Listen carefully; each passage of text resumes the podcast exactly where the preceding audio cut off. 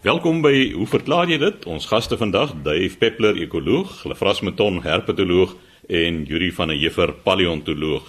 Dave, ons begin by jou vandag. 'n Luisteraar wil weet of asvoëls menslike oorskot sal vreet.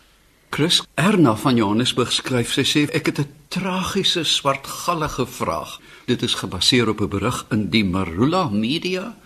Daar was onlangs net buite Ellisras 'n erg ontbinde liggaam in die veld gevind.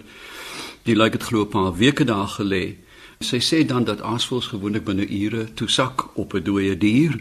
Hoekom sou aasvoëls nie toesak op 'n menslike lijk nie om boere of mense daarvan bewus te maak nie? En en sy wil weet wat die faktore is waarmee dit te doen het, hoekom aasvoëls aangetrokke is of sou aangetrokke wees tot 'n menslike liggaam. Sy sê dan sy weet nie of hulle kieskeurig is wat hulle eet nie en as 'n mens vandag na die mensdom kyk dan kan jy dink dat daar sekere aasvoëls dalk 'n bietjie kieskeurig gaan wees oor wie hulle sal eet. Dit voel net normaal dat hulle sou draai en toesak en alles tot die been afvreet ongeag van wie hulle is. En hoekom nie die keer nie?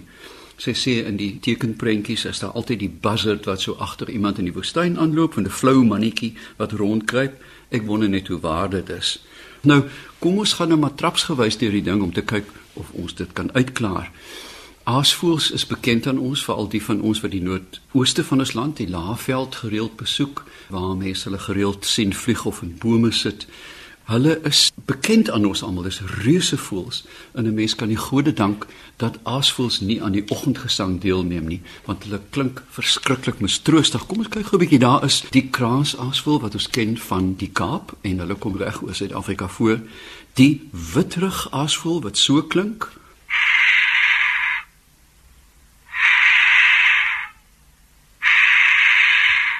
Baie baie mistroostig. Dis totaal nie melodies en net sisgeluid byna soos 'n gans. Daar is twee groot groepe aasvoëls, die oud wêreld aasvoëls wat ons in Afrika en die Mediterrane streke kry, sover as Indië, en dan natuurlik die nuwe wêreld aasvoëls. Daar is so dieselfde by primate, Julia as ek dit reg het, deur hierdie byna kontinentale skeiding. Die nuwe wêreld aasvoëls is natuurlik baie bekend, die twee kondors, die een uit Kalifornië en die ander een uit die Andesgebergtes, baie na verwant en beide bedreig. En dan het ons die Afrika groep wat ook 'n paar soort van vleiers het, die Egiptiese aasvoël, die een wat so eiers met klippe breek, is baie interessante dieregedragstudies daaroor gedoen en dan ook die lammergeier. Nou, vreemd genoeg alhoewel hulle byna op 'n haar na mekaar lyk, is die lammergeier glad nie verwant aan die kondor nie. Dit is hierdie konvergene evolusie waar op verskillende kontinente diere soortgelyke nisse vul. Ons dink aan ons aardvark en die muurvreters van Suid-Amerika wat dieselfde geneigtheid toon. Maar wat een ding is seker is dat alle aasvoëls is accipiters, met ander woorde hulle is ware roofvoëls. Hulle behoort aan die familie Accipitae. Wat hulle ook onderskei natuurlik van gewone sangvoëls en ander voëls is hulle fenominale sig. Hulle het groot oë. Kyk jy na die skedel van 'n aasvoël sien mens die groot wat is die, die oogkas. Die oogkas. Yuri, dankie, is baie groot en dan bevat die oog ook 'n sogenaamde fovea waar daar 'n verdigting van ligstafies is en dat die oog dan byna as 'n soort van teleskoop gebruik kan word as die lens die beeld dan konsentreer op die fovea kan hulle oor ontsaglike afstande sien. Ons weet uit ondervinding hoe vinnig hulle uiteraard op 'n dooie organisme kan afpyl. Dit is gewoonlik binne minute indien nie ure nie. En die meganisme daarvoor is dat aasvoëls vlieg of sweef dan hoofsaaklik baie hoog in die lug gewoonlik in sirkelvorms wat vir hulle 'n reuse sigveld gee en dan is hulle eweredig gespasieer in die ruimte en dit beteken dat 4 of 5 aasvoëls 'n paar honderd vierkante kilometer baie effektief kan dek.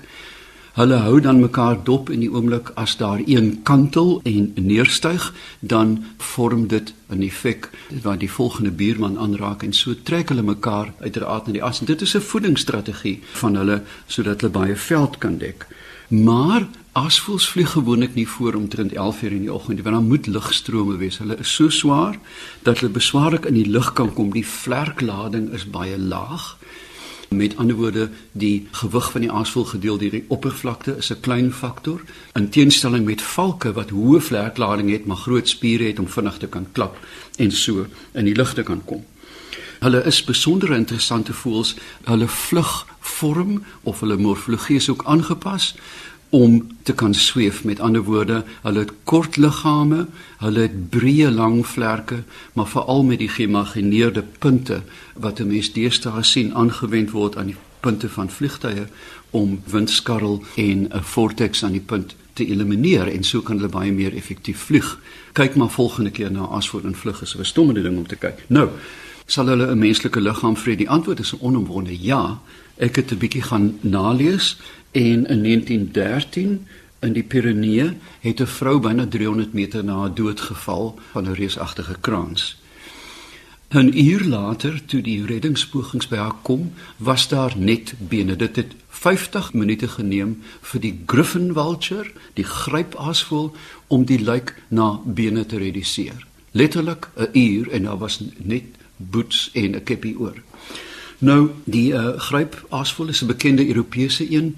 Uh, Mense sien dit gewoonlik in die heraldiek en jy sien dit ook op kerke, die sogenaamde gargoyles aan die punte van die Notre Dame. Meer bekend dink ek is die beroemde, miskien ook berugte die torings van stilte wat 'n mens in die Midde-Ooste en India aantref waar liggame na die dood uiteraard dan aan die aasvoëls gebied word in spesiaal gekonstrueerde geboue. Dit is gewoonlik ronde geboue met 'n galery met drie lae, mans, vrouens en kinders in die middel en dan 'n beenput reg onder. Die geloofs-oortuiging is die Zoroasters, een van die oudste gelowe dink ek hier in die wêreld. Hulle is van die heel oudste en hulle glo dat die liggaam onrein is en nie aangeraak moet word nie. So jy smyt net maar vir oom Japie daar oor die muur en dan kom die aasvoëls en doen hulle werk. Waar dit gereeld gedoen word soos in New Delhi, is daar gewoonlik in die orde van 15000 aasvoëls wat sit en wag vir die volgende liggaam. So, dit is 'n uh, uh, baie bekend. Wat wel interessant is is dat onlangs het die aasvoëls van Indië 'n merkwaardige afname getoon in die orde van sommige spesies van 99% binne etlike jare. En 'n uh, internasionale span het uiteraard gekyk na alles wat hulle kon gedink is 'n virus of 'n bakterium of industriële besoedeling of gifstowwe. Nee.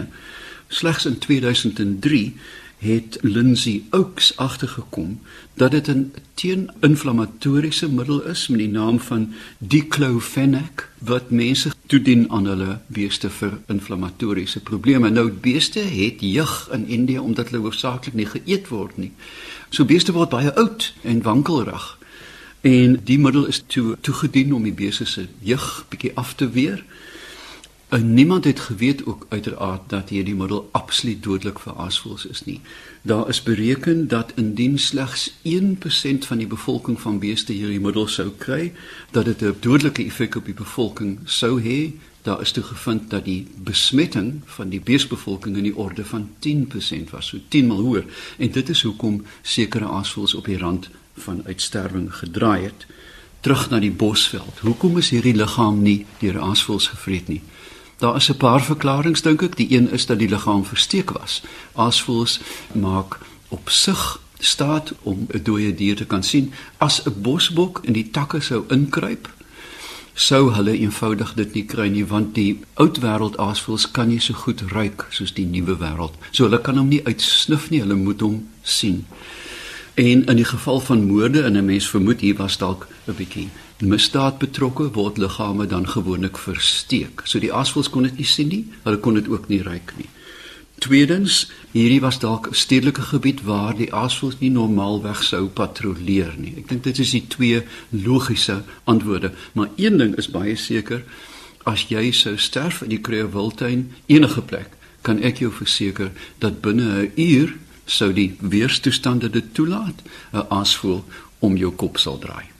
So sê Dave Peppler oor aasvoëls en menslike oorskot, Lefras Beton, herpetoloog en Lefras, jy gesels oor ouersorg by seebawers. Ja, ek weet nie wie van julle vissemanne was op een of ander tyd van julle lewe. Dave, jy steek jou hand op. Ja, 'n seebawer. Yuri, jy ken ook 'n seebawer.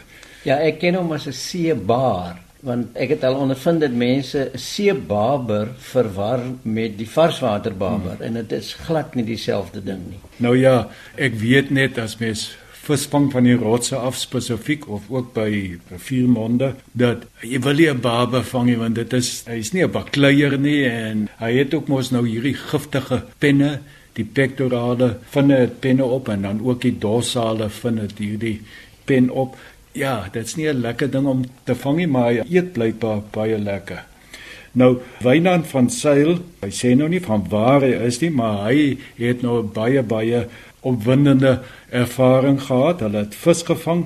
Dit is daar naby Agallas rond in die Suid-Kaap en hulle het toe 'n barber uitgetrek en toe die barber nou van die hoek af gehaal word, toe spieg die barber 30 klein barbertjies uit, klein visse, so omtrent 50 cm lank. Nee, 5 cm, ekskuus. ja, groot is 'n bekvol daar. 5 cm en hulle het toe nou die visse daar in die water geplaas en hy sê dit was vir hom net fantasties om dit te aanskou en hy sê die skepping in die natuur bly daarmee wonderlik. Nou ja, sekerlik verseker mense as hulle nou sien hoe 'n leeu, 'n bok of 'n trop leeu se bok plat trek, dan is dit nou 'n wonderlike ervaring. Maar ek dink daar's op 'n baie kleiner skaal al hierdie wonderlike dinge in die natuur wat mens kan waardeer. Ek het self nooit hierdie voorreg gehad om dit te sien nie, en ek glo ook nie ek sal dit ooit seker daardie voorreg hê nie. Nou die seebabe behoort tot die familie Ariidae en dit is 'n familie van visse wat almal toon hierdie ouer sorg. Dit is die mannetjie vis. Wanneer die wyfies die eiers lê, dan sal die mannetjie vis die eier in die mond neem en daar vind die ontwikkeling dan plaas tot die eiers uitbroei en die klein visse word dan nou vrygelaat. So hulle het nou eintlik hierdie mannetjie baba net op die regte tyd gevang. En hierdie verskynsel kom eintlik by baie diere voor ouers sorg en laat dit ek weet daar's ook gevalle van ander visse wat die kleintjies in die mond gehou word. Hulle kom uit en dan as daar gevaar dreig, dan sal die vis net die mond oopmaak en dan swem hulle vinnig almal weer in die mond in. En dit gaan hierso eintlik dat in die water alle diere wat hulle eiers in die water lê. Dit is 'n slegte omgewing, 'n gevaarlike omgewing vir die ontwikkeling van eiers.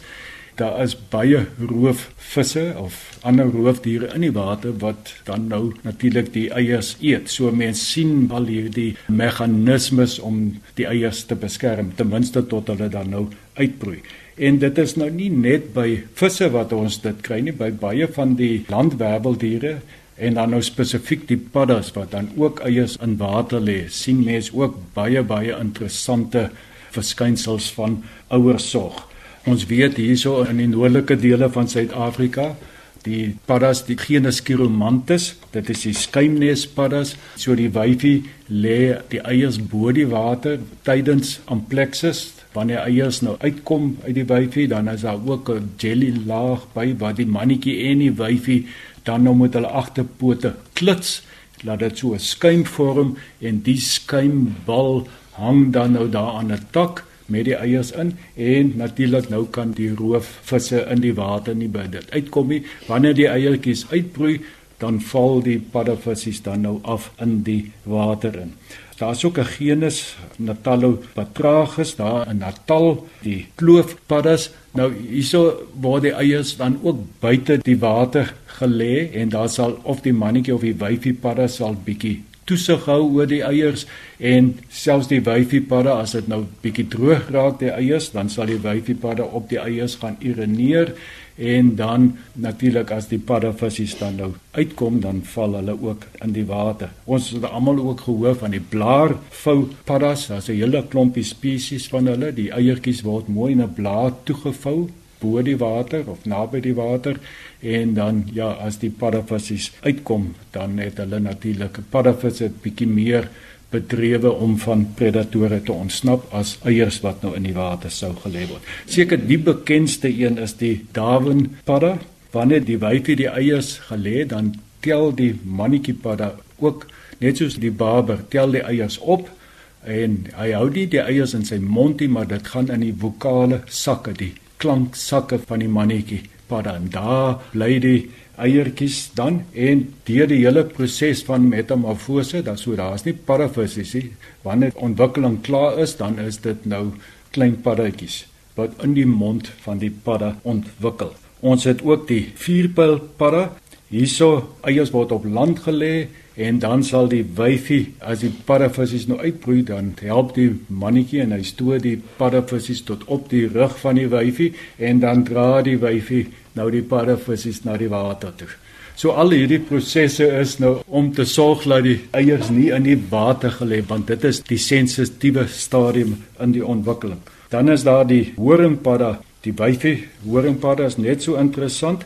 Die mannetjie wanneer die wyfie die eiers lê, dan forceer die mannetjie ook die eiers tot op die rug van die wyfie en daar vorm daar kapsules om die eiers en die wyfie loop dan met hierdie kapsuletjies in die vel ingebed en dan is die ontwikkeling deur metamorfose klein parretjies kom dan uit die wyfie se rug uit. So al hierdie meganismes dan om te sorg dat die eiers nie in die water gelê word nie. So ja, dit was 'n interessante waarneming deur Wynand van Sail.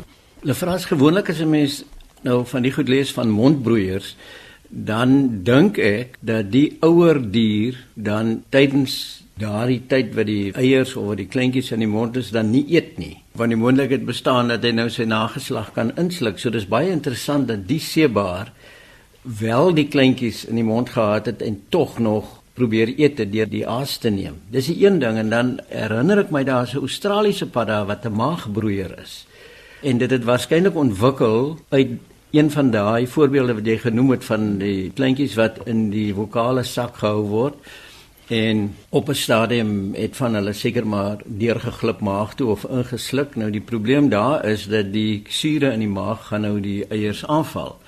So met daai spesifieke maagbroeiers as ek my nou reg herinner, het die eiers 'n meganisme ontwikkel wat die maagsure neutraliseer sodat vir die tyd wat die eiers in die maag is word daar nie verteringsensieme afgeskei nie of hulle is beskerm daardie tot hulle dan tyd terwyl uitbroei en dan gaan die papa daar weer met sy normale lewe aan. Oor die maagbroeiery sal ek my nou nie kan uitlaat nie, maar dit sal interessant wees om bietjie op te lees daaroor, maar net oor die baber, die feit dat hulle geëet het terwyl hulle nou die visse in hulle mond gehad het. Die babers is mos nog maar stadig beweeg en hulle is amper soos jou klipvisse. Jy weet, hulle swem nie met spoed rond nie en dan het hulle ook 'n redelike plat kop en breë bek, so ek dink in terme van ruimte is daar ja, die visse word lekker net so in die kies gedruk en dan word daar geëet. Nou ja, dit was dan Lefras Meton, ons herpetoloog wat gesels het oor ouersorg by seebabers en ook by sekere paddas. Laaste aan die beet vandag, Yuri van die Heever, paleontoloog.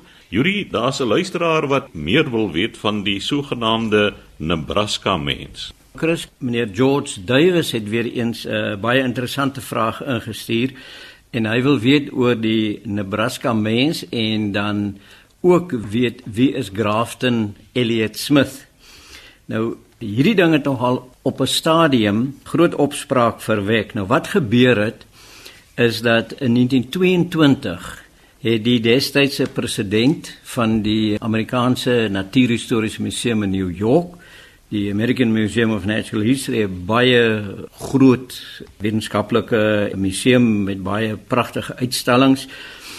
En um, Henry Fairfield Osborne was die president en ook 'n paleontoloog en hy ontvang toe 'n paar tande wat hy beskryf in 1922 as synde die van 'n uh, uitgestorwe aap spesies en hy noem dit Hesperopithecus Harold Cookie want Harold Cook was 'n boer in Nebraska en 'n geoloog en hy het hierdie tande ontdek in 1917.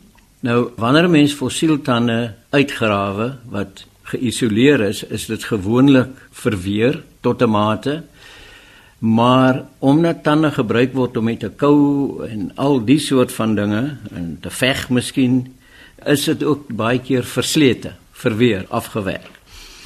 Hy het die tande beskou en hy dink toe dat dit die naaste is aan tande van 'n prehistoriese aap. Hy beskryf dit toe en dis toe nou waar die storie begin het. Die probleem hiermee was dat dit nie aaptande gewees het nie. Dit was tande van 'n uh, uitgestorwe op daai stadium varksoort Nie varke soos wat ons vandag ken nie, maar verwant aan moderne varke. En die goed staan bekend as pekaries. Ek het nou gaan kyk in die wat, soos ek by 'n vorige geleentheid deur jou touwys gemaak is. Mens kan hom spel met net 'n i aan die einde of 'n ie, pekari, net soos jy hom sê. En ons skryf vandag twee soorte pekaries, die kraagpekari en die wit pekari en hulle het nogal mooi klinkende name, Tayasu albirostris die witte en dan Tayasu tiaku is die kraagpekari.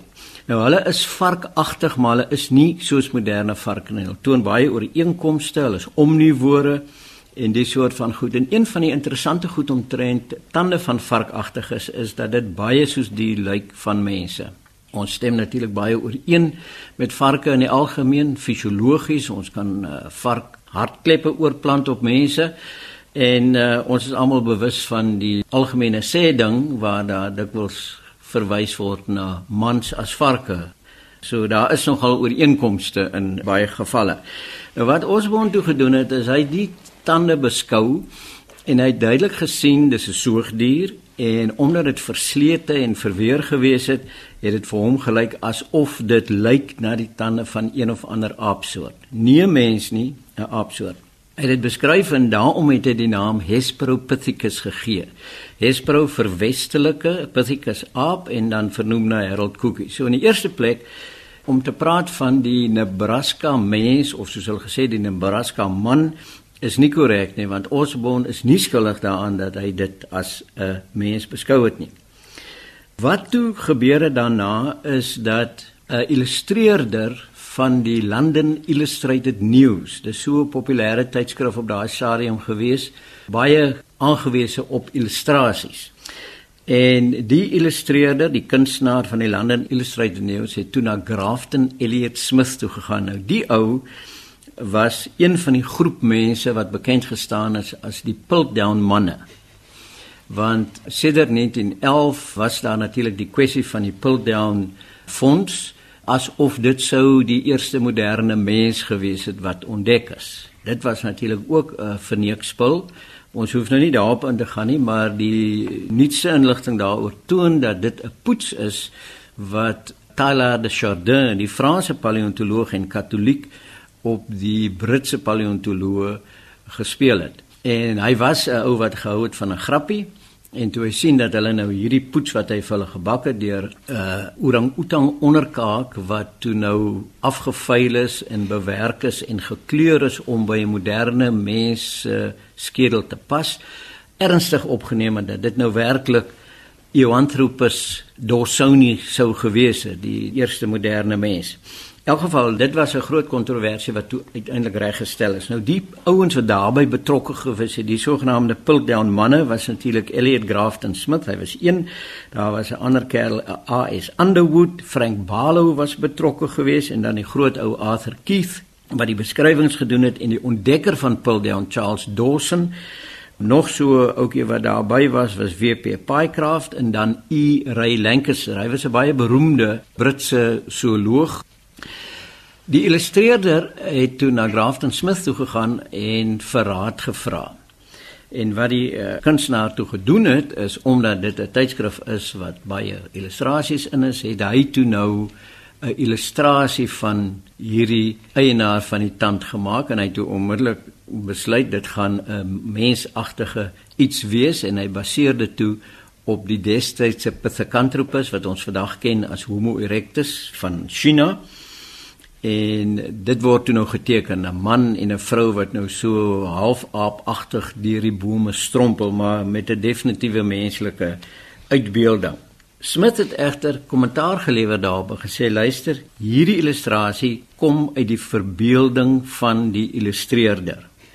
Osborne het spesifiek in sy artikel gesê dit is nie menslik nie. Ons praat nie hier van die mens nie. En boonbehalwe dit, sedert die publikasie van Hesperopithecus Harold Cookie, het meeste wetenskaplikes hierdie ding geïgnoreer. Hulle het gevoel daar is nie genoeg inligting nie en uh, hy het op baie min feite het hy redelike aannames gemaak. So die aanname is glad nie wyd aanvaar nie.